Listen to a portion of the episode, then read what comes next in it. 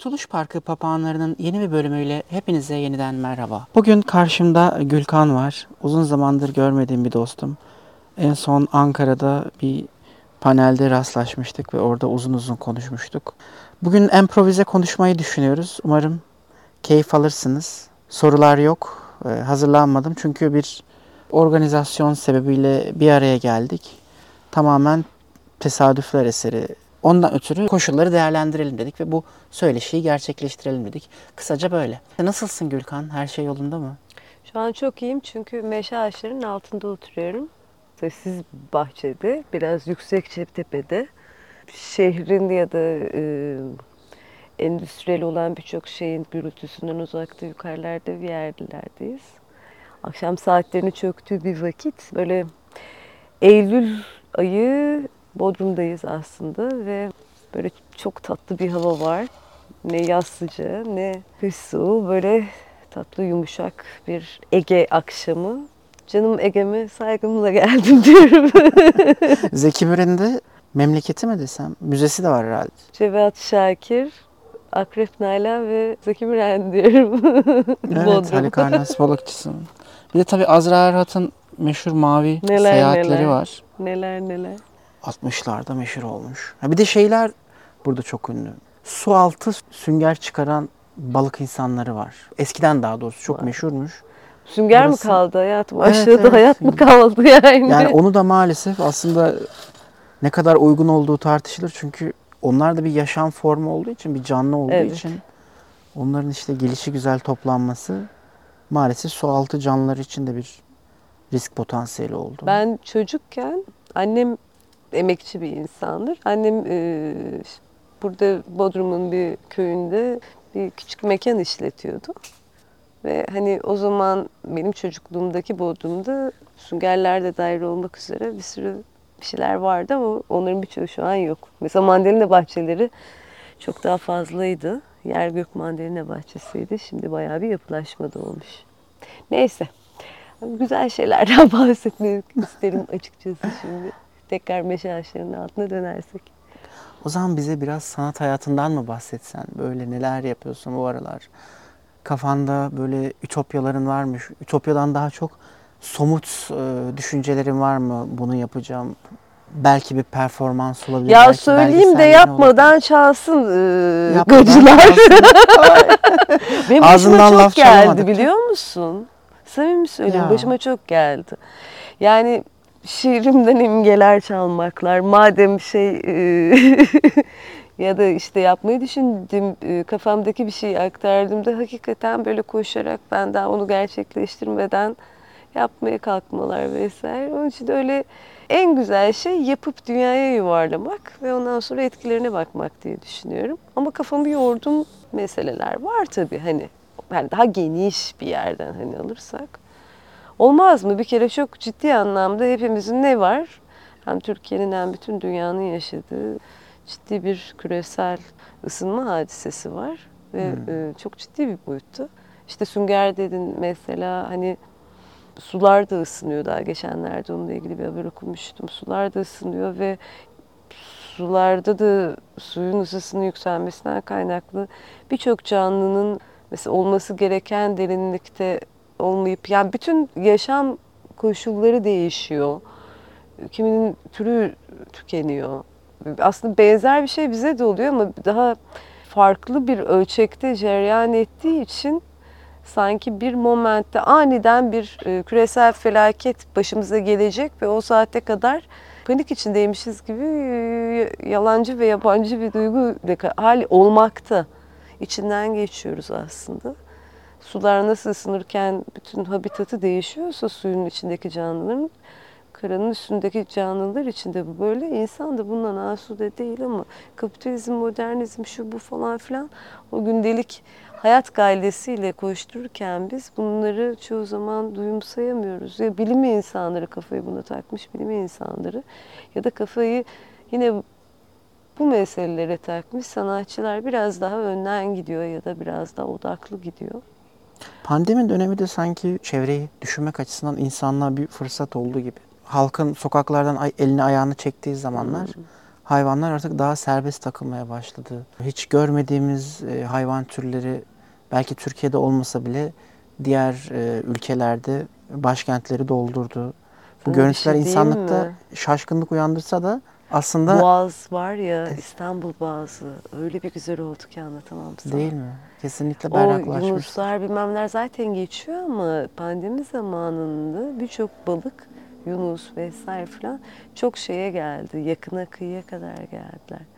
İnsan çekildi ve birden hani bir kendine geliyormuş gibi oldu ama buradan tabii şeyi de düşürmemek de lazım. Böyle insan karşı, karşıtı nasıl diyeyim Bir teori de oluşturmak. ya orada çok sorunlu bir şey var. Bu, bütün bu felaketin içerisinde bunu bunu birçok yerde konuşan farklı disiplinlerden sanatçılar, aktivistler, devrimciler, bilim insanları var. Herkes farklı bir yerden farklı bir bakış açısıyla söylüyor. Ama e, insan kötü bir şey. İnsan tür itibariyle öz yıkımcı. İnsan çekildi mi doğa kendine geliyor. İnsan bok filan. Hani o e, misantropik o söylem aslında bir şeylerin neden böyle olduğuna ilişkin olguya bakmamızı engelliyor ve aslında faili ortadan kaldırıyor. Fail insan değil, fail kapitalizm. Fail sömürgeci kapitalizm. Fail sömürgeci türcü kapitalizm.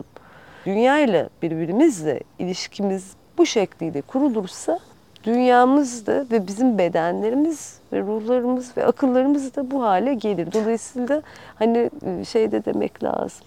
Bir anlık pandemide dediğin gibi bir anlık bir fark ediş ama tekrar tırnak içerisinde verili normale dönüşle tekrar e, bir mevcut perdeli zihin diyorum ben ona. Perdeli zihin halimize geri döndük. Ben şeye çok heyecanlanmıştım laf lafı uçuyor.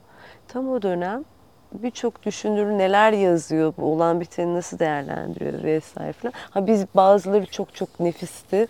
Ee, Bera, Bifo e, Bifo çok müthişti Berardi. Ee, hem çok poetik hem de Otonomdan kitapları çıkan. Evet. Günlük tuttu ve bunu düzenli yayınladı. Ee, Ben kendi duygulanımlarıma e, çok yakın hissettim. Paul Preciado, queer devrimci, düşünür, sanatçı Paul Preciado e, böyle devrim notları yazmaya başladı pandemide. Ben de çok heyecanlandım. Bunlar ne, neyi içeriyordu devrim İşte notları? tam aslında hani bu öyle bir moment ki o akışı kesintiye uğraması yani o kapitalistik hırsın e, bir tür pandemi vesilesiyle akışın kesintiye uğraması vesilesiyle e, orada aslında çok hani devrime, dönüşüme, isyana e, meyyal e, büyük bir boşluk, bir alan açıldı ve orada aslında çok ciddi anlamda bir uyanış, fark ediş, e, aydınlanma ve bir, birden insanın hani böyle bir felaket sonrası bir ayılma şeyi vardır ya felaketler özgürleştirir diye hep düşünürüm ben. E, hani birden insanlar mesela buradan sonra e, o eski hallerine geri dönmeyecek gibi şu son Evet. derece 19. yüzyıl romantik devrimciliğinden apartılmış. Sanki bir Big Bang oldu ve yeniden dünya Ben de o duyguya Bir doğum kapıldım. yaşadı. Ee, Pres, Preciado da kapıldı. Ee, cebimizde şey de var. Ulan hani hakikaten ya dönmezse eski normale hani insanlar Evet, ya evet. dönmezse ya bir dönmese ya döneceğini biliyoruz cebimizde ona ilişkin aslında melankolimiz de cebimizde ama ya dönmezse ya da dönmesin. Yani devrimcinin lafı lafzı kurması gerektiği yer bence bu militan neşe olmalı. Militan kudret, kolektif rüya hali olmalı. Şu an mesela şey dedi, e, sadece dijitale sıkıştık, internete sıkıştık. E, unutmayın ki sosyal medya ve dijital dünya haberleşme ve direniş için kullanılabildiği gibi aynı zamanda biyopolitik olarak çok ciddi bir denetlenme ve hani nasıl diyeyim bir yönetim meselesi haline de geliyor. Dolayısıyla insanları şeye çağırdı. İnsanlığı, e, sosyal medyayı bu sıkışıklık içerisinde evlere kapatılmış olduğumuz bu halin içerisinde çok kontrollü kullanmaya ve az kullanmaya ve sık sık çevrim dışı olmaya, çevrim dışı birbirinizle bağlantıyı koparmamaya, akıllıca kullanıp tekrar çevrim içi stratejik olarak kullanıp tekrar çevrim dışı olmaya çağırdı. Ben çok heyecanlanmıştım o ara. Ve kendi yaptığım sanat işlerine de aslında Paul Preciado'nun böyle bir seri halinde yaptı. O metinlerinden alıntılar falan yaptım. Ee, bunları bir kısmını da şeyde paylaştım. Ee, internete bakmak isteyen olursa e, YouTube'da Kıraathane'nin sayfasında İsyanı Şu, Femine'nin iade itibarı Queer Fem diye bir e, iki saatlik canlı yayın yapmıştım. Video. E, o şeyin içerisinde performance lecture, bir tür sohbetli, muhabbetli ders mi diyeceğiz ya da anlatı mı diyeceğiz bilemiyorum. Onun tam şeyini Türkçesini bulamadım ama o e, akışın içerisinde ben parça parça bu Preciado'nun pandemide insanlığa yazdığı devrimci metinlerden parçalar okudum. Aralara serpiştirdim filan yani. Böyle manyak melezlemeler yapıp aniden hani mevcut e, olan bitene ilişkin bir nasıl diyeyim e, refleksif ama bir yandan da proaktif şeyler yapmayı seviyorum. Ne yapacağım bundan sonrayı söylemem ama nasıl yapıyorum, neye doğru hani arzum meylediyor onu hani bu şekilde söyleyebilirim. Benzer toplumsal sorunların birbirine örtüştüğü durumlar olabiliyor ve küme ilişkisi şeklinde Hmm. e, aynı sorunlar e, aslında benzer stratejilerle üstünden aşılabilir hale gelebiliyor. Hmm. Ya bir ilk başta hukuksal çerçeve olarak başladı belki ama daha sonrasında bir e, hayat stratejisi haline de geldi. Kimi zaman ekolojik hareketle feminizm bütünleşebiliyor. Kimi zaman Kesişimsellik mi kesişimsellik, diyorsun? evet. Anladım. Bir an Aşkım eskiden gelmedi. kesişimsellik mi vardı? Ay o b- bütün biz devrimcilikten anladığımız zaten bütün bunların bir arada değerlendirilmesi değil miydi yani? Yani kesişimselliği çok değerli buluyorum. Ama sanki böyle özellikle akademik dünyadan akademik olmayan dünyaya doğru böyle sanki yeni keşfedilmiş. Daha evvel aslında bir tür böyle bir yaklaşım yokmuş gibi. Ya tamam şu var tabii ki bunu söylemek lazım teoride bütün bunların bir arada ekolojinin, cinsiyet mücadelelerinin, ne bileyim antimilitarizmin, bir sürü mücadelenin bir arada yürütüldüğü hani yerlerden geliyoruz. Ama tabii ki bütün bu meseleler bir takım belki daha e, patriarkal, e, hetero, normatif dünyaya devrimci dediğimiz öznenin bakışı çoğu zaman hani e, bir e, beyaz, cis hetero, e, bir erkek, e, atanmış cinsiyeti erkek olanın bakışıyla dünyanın idrak edildiği bir şey gibi kodlandı. Belki inter hani şey kesişimsellik onu ye- yerine geri koyuyor. Anlatabiliyor muyum? Ama zaten ben hep şunu düşünüyorum. Mesela bazen tartışıyoruz bazı feminist arkadaşlarımla ya da feminist olmayan devrimci erkek e, arkadaşlarımla şeye biraz ayar oluyorlar tamam mı? Ya nedir ya şey- çok hani tüketildi bu devrimci kelimesi. Çok bagajı hani dolu. Hani bundan vazgeçelim çok artık. karikatürize edildi. Evet, çok boku çıktı. Çok eril böyle, çok maço, bilmem çok. Yani bana ne yani Stalinistler bok etti ise e, yani bir takım maço herifler bok ettiyse bu kavramı niçin geri almayalım?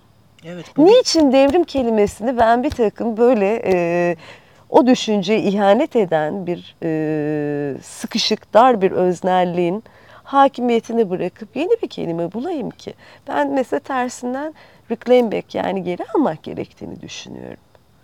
onun üstüne giderek aslında Evet. var olan kavramı özüne geri döndürmek belki de çünkü güncel bir ihtiyaç olarak onun bizatihi kendi Evet. nedenini hatırlatmak. Yani aslında bu bir değişim, dönüşüm, belli bir norm dayatılıyor. O Evet. norma başkalaşım olması gerektiğini savunuyorsun. Evet.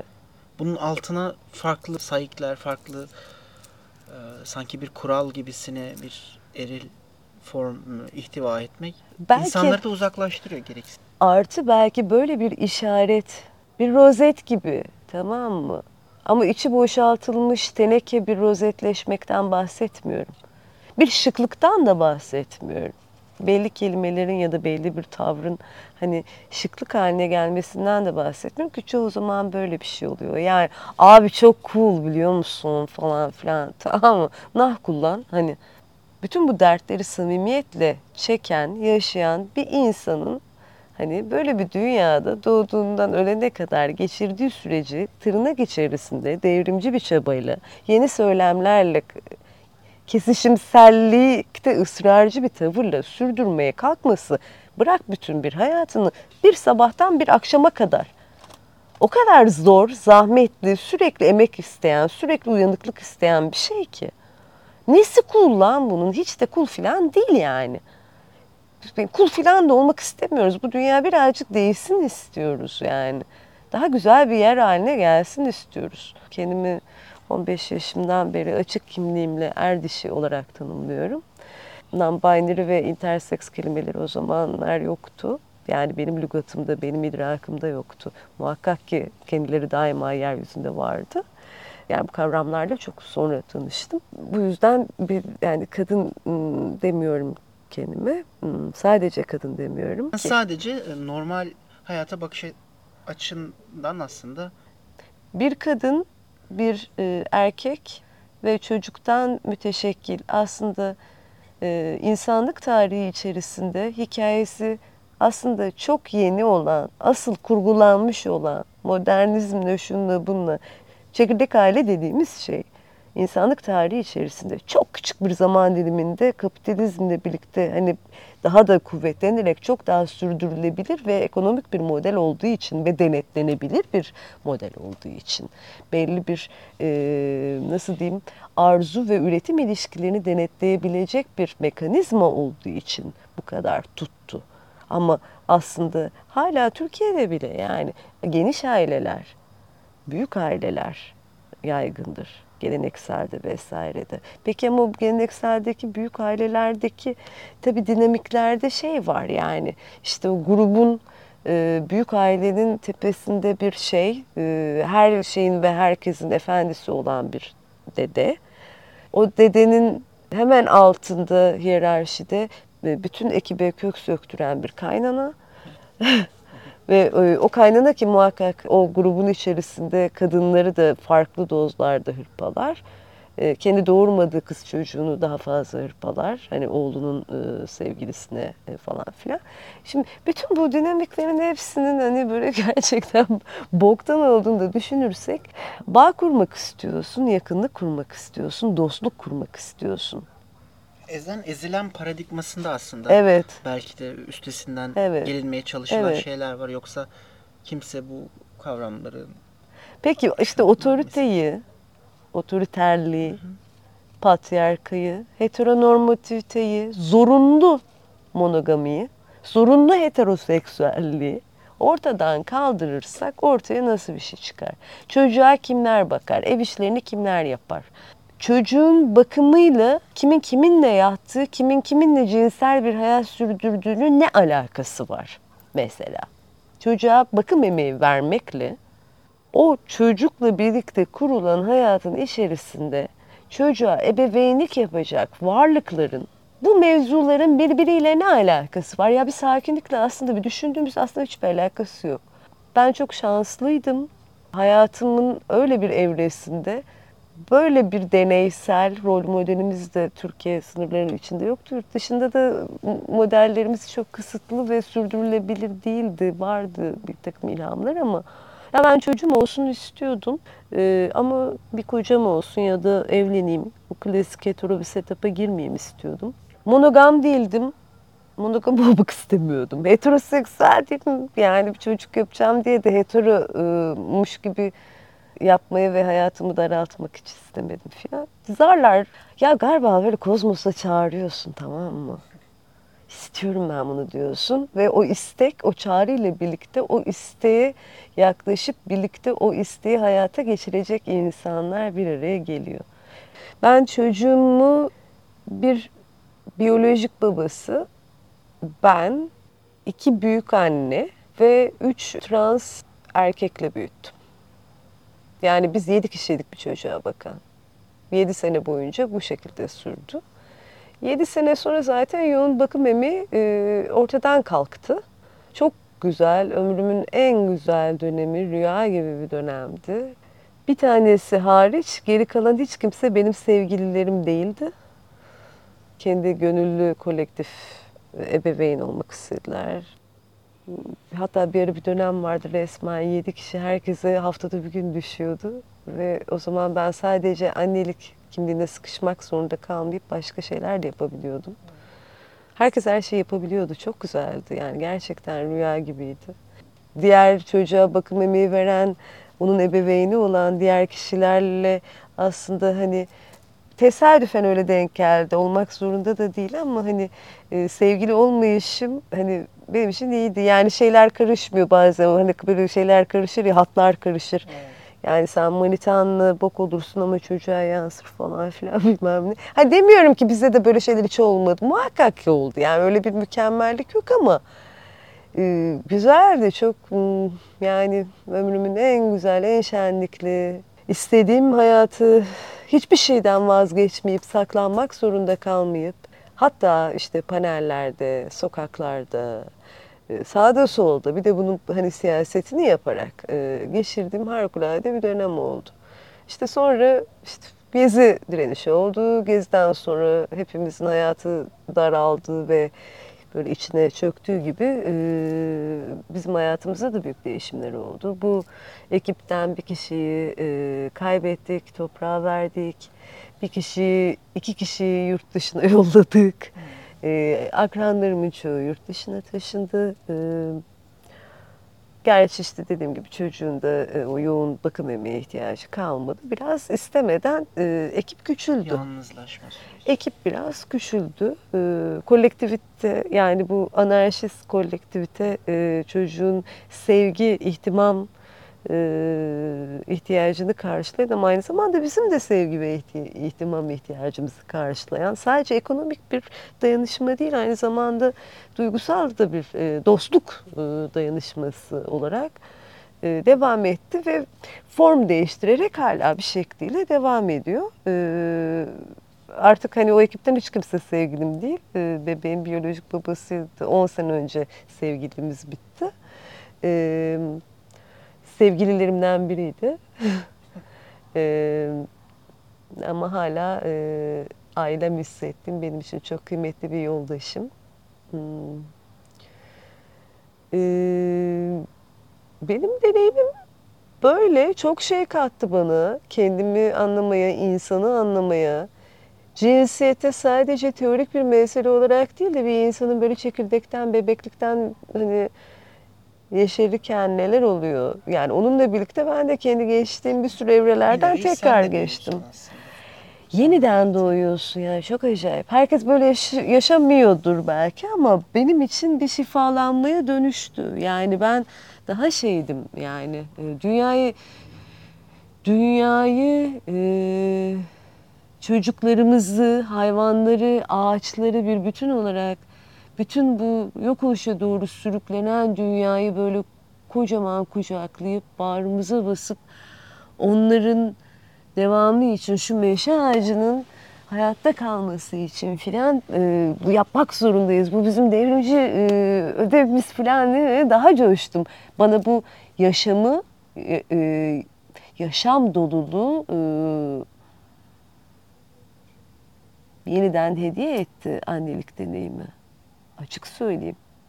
Ve biyolojik bir şeyden bahsetmiyorum.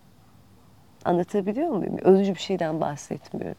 Bir sürü arkadaşım hayvanlarda kurduğu ilişkide veya çok harikulade bitkileriyle kurduğu ilişkide ya da bir bahçe kurduğu bahçeyi de kurduğu ilişkide e, ağaçlarla kurduğu ilişkide e, aynı kafayı yaşıyor. Yanlış bir yere gitmesini hani istemem yani e, rahmi olan her e, varlık doğurmak zorunda olmadığı gibi rahmi olmayan her varlıkta isterse harikulade anne, baba, kuyre bebeğin ya da ne bok demek istiyorsa kendine olabilir. Oluyor.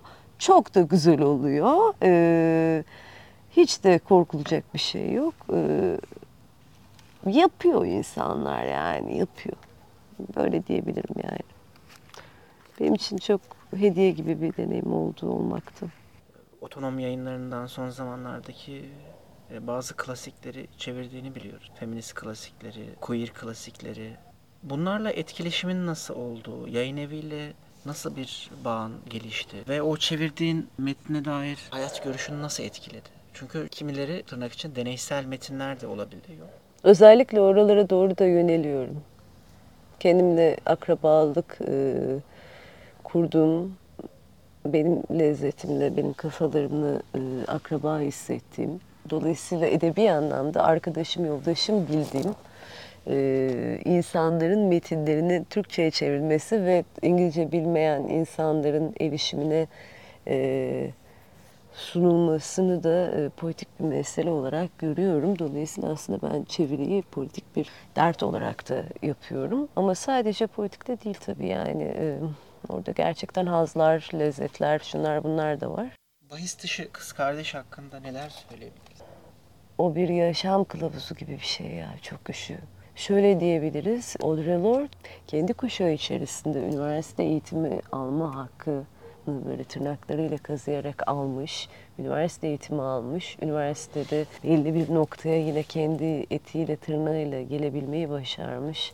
Ve o dönemin, e, o kuşağın insanları içerisinde çok ender siyah kadınlardan biri. Bunun ne kadar değerli ve kıymetli bir şey olduğunu biliyor. Biraz evvel benim Queer Ebeveynlik hikayesinde anlattığım gibi bunun hani başarılması zor deneyim olduğunu farkında ve orada tırnağıyla edindiği gücü bir iktidar, yeni bir iktidar oluşturmak üzerine değil de bütün bu iktidar dinamiklerini ifşa etmek, tabiri caizse sınıf savaşına çevirmek ve bütün bu süreçlerde yaşadığı her şeyi bir tür yaşam kılavuzu, bir tür direniş kılavuzu haline getirmek gibi inanılmaz kuvvetli ve ilham verici ve çok sahici bir şey yapıyor. Dille ilişkisi de öyle. Zami diye bir kitap daha çıktı otonomdan. Onu da sevgili Melis İnan e, çevirdi. Daha evvel işte Bayis Dışı'nın editörlerindendi. E, Zami de e, şeyin e, mitobiyografisi yani otobiyografisinde daha mitsel e, ortaya çıkardı bir kavram şeyin Odell orada. Orada kendi hikayesini filan da anlatıyor. Orada daha detaylı var. Zami'yi de okumalarını tavsiye ederim insanların. E, çok geç e, yazabilmeyi, konuşabilmeyi öğrenmiş biri. Biliyor musun e, Audre Lorde bunu Melis'te bir etkinlikte anlatmıştı. Yani bir mücadele, var olan baskı mekanizmasını nasıl kırarım Dile tutunmuş, dile tutunmuş. Eğitim bir nevi e, onun için bir direniş aygıtı belki. de. Ama bunu Öyle da diyebilir miyiz? evet ama bunu e, şeyden yapmayışı çok büyüleyici geliyor bana mesela. E, üniversitede hoca olan bir siyah lezbiyen kadın bunu orada edindiği bütün teorik, politik stratejilerini en alt sınıfta bütün bu donanıma sahip olmayan, bütün bu kültürel sermayeye sahip olmayan, sahip olma şansı olmayan en altta, en zor durumdaki siyah kadının anlayabileceği dilde yazmak gibi bir dert taşıyor. Yani erişilebilir bir dilde yazmak gibi. Mesela bu çok büyüleyici ve çok önemli bir şey. E, Bayis dışı kız kardeşteki metinlerin çoğu bir takım konferanslarda ya da bir yerlerde yaptığı konuşmalar.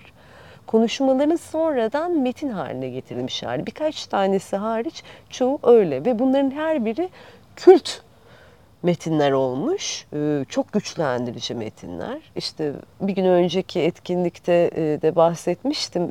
Şiir bir lüks değildir metni. Bunlardan biri şiirin neden direnen insanlar için, direnen kadınlar için. Biz bugün hani başka bir lügatta o metine yaklaşabiliriz. Direnen Lumyalar için. Şiirin neden lüks olmadığını, olmayacağını, bizim için şiirin, dilin nasıl bir mücadele alanı olduğuna dair çok güçlendirici bir metin. Şunu demeye getiriyorum. Ben galiba böyle böyle metinlere şey oluyorum böyle çekiliyorum. Yani c- cinsel yönelim gibi hani anlatabiliyor muyum? Politik yönelimim e, İnceden ince bir e, evet. akış Evet. bir durum var. Evet. Şu, şunu da söyleyeyim. e, 2012 ile 2019 senesi arası 7 sene süren bir Queer Düşün serisi maceramız var. Queer Düşün serisi isim vermeyeceğim yayın evini çünkü o yayın evini e, boykot ediyoruz e, epeydir. Ben hala o boykotu devam ettiriyorum. İsmini dahi anmayı istemiyorum. Ama Türkiye'de e, ilk defa bir yayın evinde tek tük queer metinler yayınlanıyor. Ünlü isimlerin, e, kuvvetli isimlerin tek tük satacağı garanti olan olunan bir takım kitapları yayınlanıyor ve bu kötü bir şey de değil yani. Judith Butler'ın Türkiye'de yayınlanması elbette ki kötü bir şey değil. Ama bir yayın evinin queer teori serisi açması Türkiye koşullarında çok radikal bir şeydi. Hala öyle. O dönem için ilk bu anlamıyla. ilk böyle bir çabaydı. Biz dört kişiydik.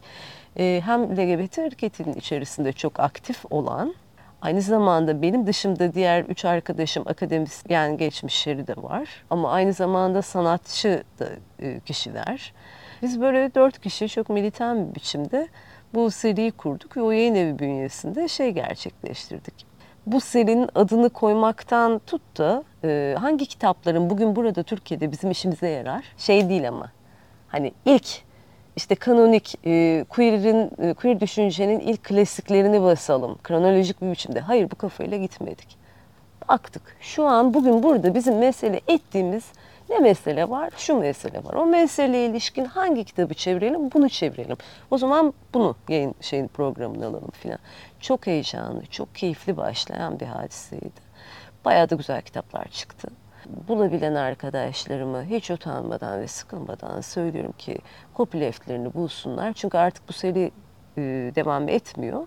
Biz 2019 senesinde yayın evinde çıkan taciz e, skandalı e, hala hukuk süreci sürmekte tam olarak ne olmuş olduğunun tam olarak adalet mekanizması tamamlanmadığı için bilme şansımızın olmadığı ama bizim duruşumuz gereği orada devam etmemizin bir şekilde mümkün olmadığına kanaat getirdiğimiz ve işte bir de bandrol e, skandalı var. O bandrol skandalı da bir tür emek sömürüsüne tekabül ettiği için filan bir ceket alıp çıktık. Mü müthiş bir emeğimiz var. Benim orada editörlük e, çalışmalarım da oldu. İki Sarı Ahmet kitabının editörüyüm ben. Ona editörlük denirse editörüyüm. Bazı e, çevirilerin hadi ismi de bende kalsın. Neredeyse yeniden yüzde 60-70 oranında e, yeniden baştan söküp çevirdiğimi biliyorum. O süreçte tamamen dostluk ilişkilerimle akademisyen, queer teori çalışan arkadaşlarımın tamamen dayanışmacı ve politik dayanışma e, duygularıyla birlikte kolektif kavram seti oluşturduğumuzu biliyorum. Şunu söylemeye çalışıyorum. Çeviri editörlük, yazı çizi filan benim için daima politik, etik ve stratejik bir mesele oldu. Ben oradaki şey bittikten sonra oya e, Queer Düşün serisi, e, macerası bittikten sonra freelance devam ediyorum ama şöyle bir karar aldım. Yani Hayır, sürmüyor. Sürmüyor. Herkes başka hayatlar, başka işler yapıyor şu an. Öyle güzel bir maceraydı şunu söyleyeceğim. Oradan sonra e, Türkiye'de yayın piyasası da zaten çok fazla iyi şeyler olmakla beraber, çok kıymetli çabalar e, olmakla birlikte çok fazla emek sömürüsünün, mobbingin, işte patriarkanın, bokun, bir sürün 50 bin tane şeyin bir sürü piyasada olduğu gibi döndüğü bir yer.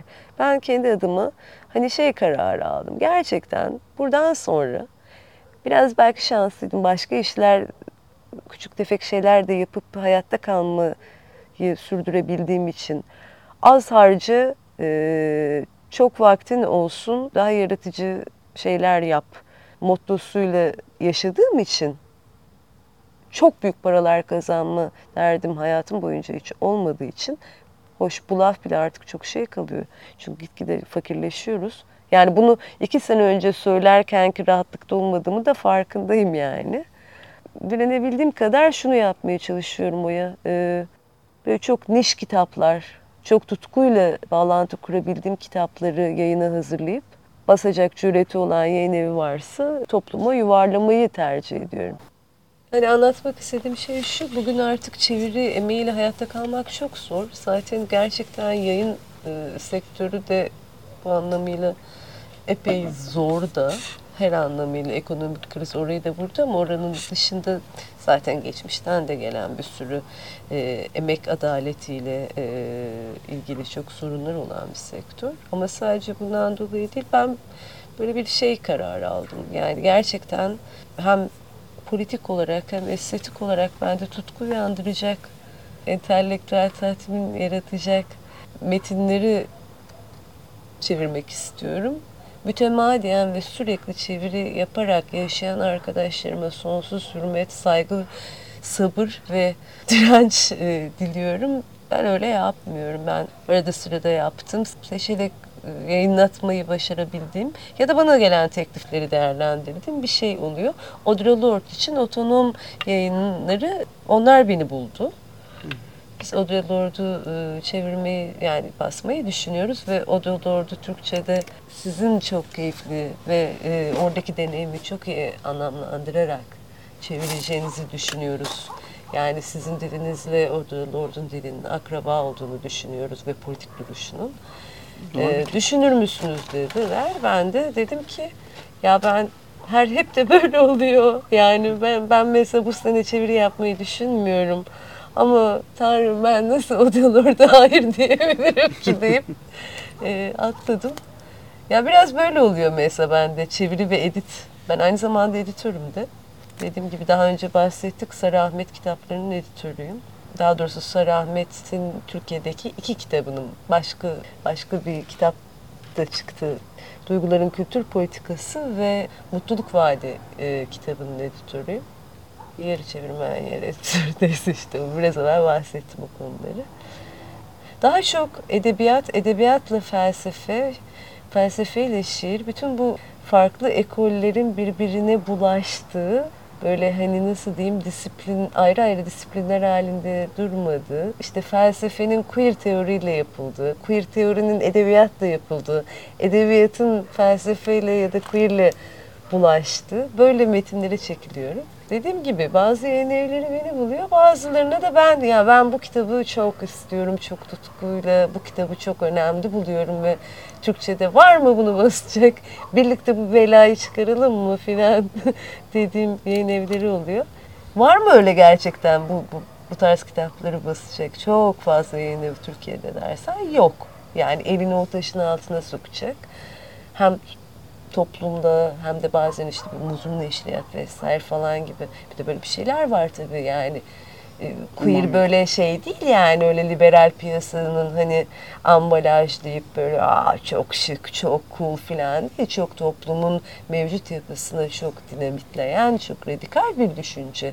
Benim de yöneldiğim metinler öyle hani e, vitrine konacak şanjanlı ürün metinler değil. Hani sorun çıkaracak, bela çıkaracak metinler. E, dolayısıyla tabii ki her yayın evi de ona girmek istemeyebilir. Dolayısıyla ben bu deli işi, manyak işi hani deli mi sevdin, yapıyorsun bu işi türünden metinleri çekiliyorum. Hayat izin verirse güzel karşılaşmalarla Spinozacı bir yerden, neşeli bir yerden söylersek oldurtuyoruz. Sen e, queer'i nasıl tanımlarsın? Bunu çok konuşuyoruz. Bu kavramı çok dillendiriyoruz. E, festivallerin e, başlığı queer adıyla geçiyor. Makalelerimiz, kitaplarımız. Oo. Ama halen Türkiye'de e, belli bir eşiğin aşılamadığını düşünüyorum. Queer kavramına dair tartışmalarda senin queer bakış açın nedir? Sen bu 12 bölümlük podcast sorusunu al sor. Ondan sonra benden de 5 dakikada cevap evet. bekle. O zaman sana anlatılamayacak olanın nasıl anlatılabileceğine dair asla tatmin etmeyecek bir cevap vereceğim. Bence queer tam olarak tariflenebilecek, çerçevelenecek herhangi bir şey değil. Tam da bu yüzden devrimci bir şey olduğunu düşünüyorum. Liberalizm tarafından tam olarak formülünü çıkarılamayacağı için, e, net bir biçimde çerçevelenemeyeceği için, herkes de o formülün peşinde olduğu için çünkü her şeyde fena halde içimize fenalık getirecek kadar artık sıkıcılaştığı için ve kendini tekrar ettiği için bir çıkış yolu gibi de gözüküyor. Bir kaçış çizgisi gibi de gözüküyor. Ama yani temcit bu gibi de işte herhalde 25-30 senedir de hep aynı şeyi yapıyoruz. Şimdi queer falan en başa dönüp dünya bir toz bulutuydu. Queer bir aşağılama ifadesiydi.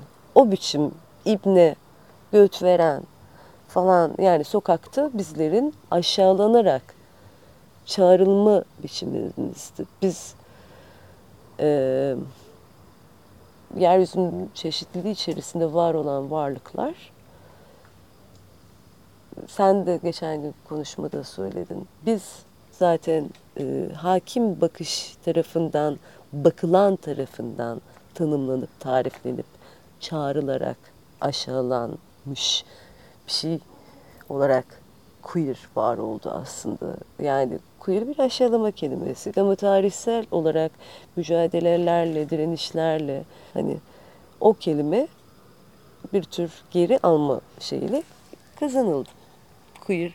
Daha sonra aslında ben şey önemsiyorum. Queer kelimesinin kendisi gibi queer dilde de aslında geri alma edimleri e, çalıştırıyor. Mesela sapkın kelimesini kullanmaktan ben çok hoşlanıyorum. Sapkın kelimesini geri almak gerektiğini düşünüyorum mesela. Ana yoldan, ana hattan sapan, dayatılan, hakim kılınan, e, hakim iktidar dinamiklerince belirlenmiş çerçeveden dışarı doğru farklı sapmalar yapan şeye, kişiye, oluşa, duruma, estetiğe, e, metoda sapkın denir. E, bu anlamıyla mesela queer bir yandan böyle de bir şey. Ama böyle çok çeşitli yaklaşımlar var. Benim en sevdiklerimden bir, bir sürüsü var yani çok çok hoşuma gidenler var. Ee, bağlamı içerisinde ve ne yapıyor olduğumla alakalı queer'in o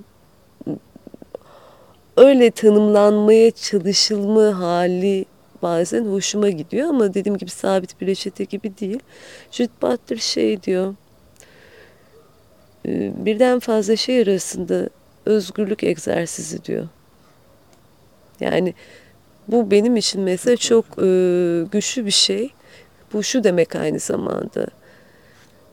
Queer bir kimlik, bir özne, bir sıfat, bir bir tekilin bir sıfatı, bir şeyi değil. Queer sen değilsin, ben değilim ama sen de benim aramda akan şeyin hani o o o akan şeyin özgürlük mücadelesi gibi geliyor. Formu değiştirip dönüştürme çabası gibi geliyor. Benim için çok anarşizmle de yani anarşik fikriyle de çok akraba geliyor bu açıdan. Um, şey e, Leslie Feinberg'in sen geçen söylediğin hmm. sözüne beni anıştırarak hmm. onun hakkında e, konuşabilirsek güzel olabilir. Olur. Bu şiirle e, o sözü bir daha söyleyeyim mi? İster evet, misin? Evet çok iyi olur.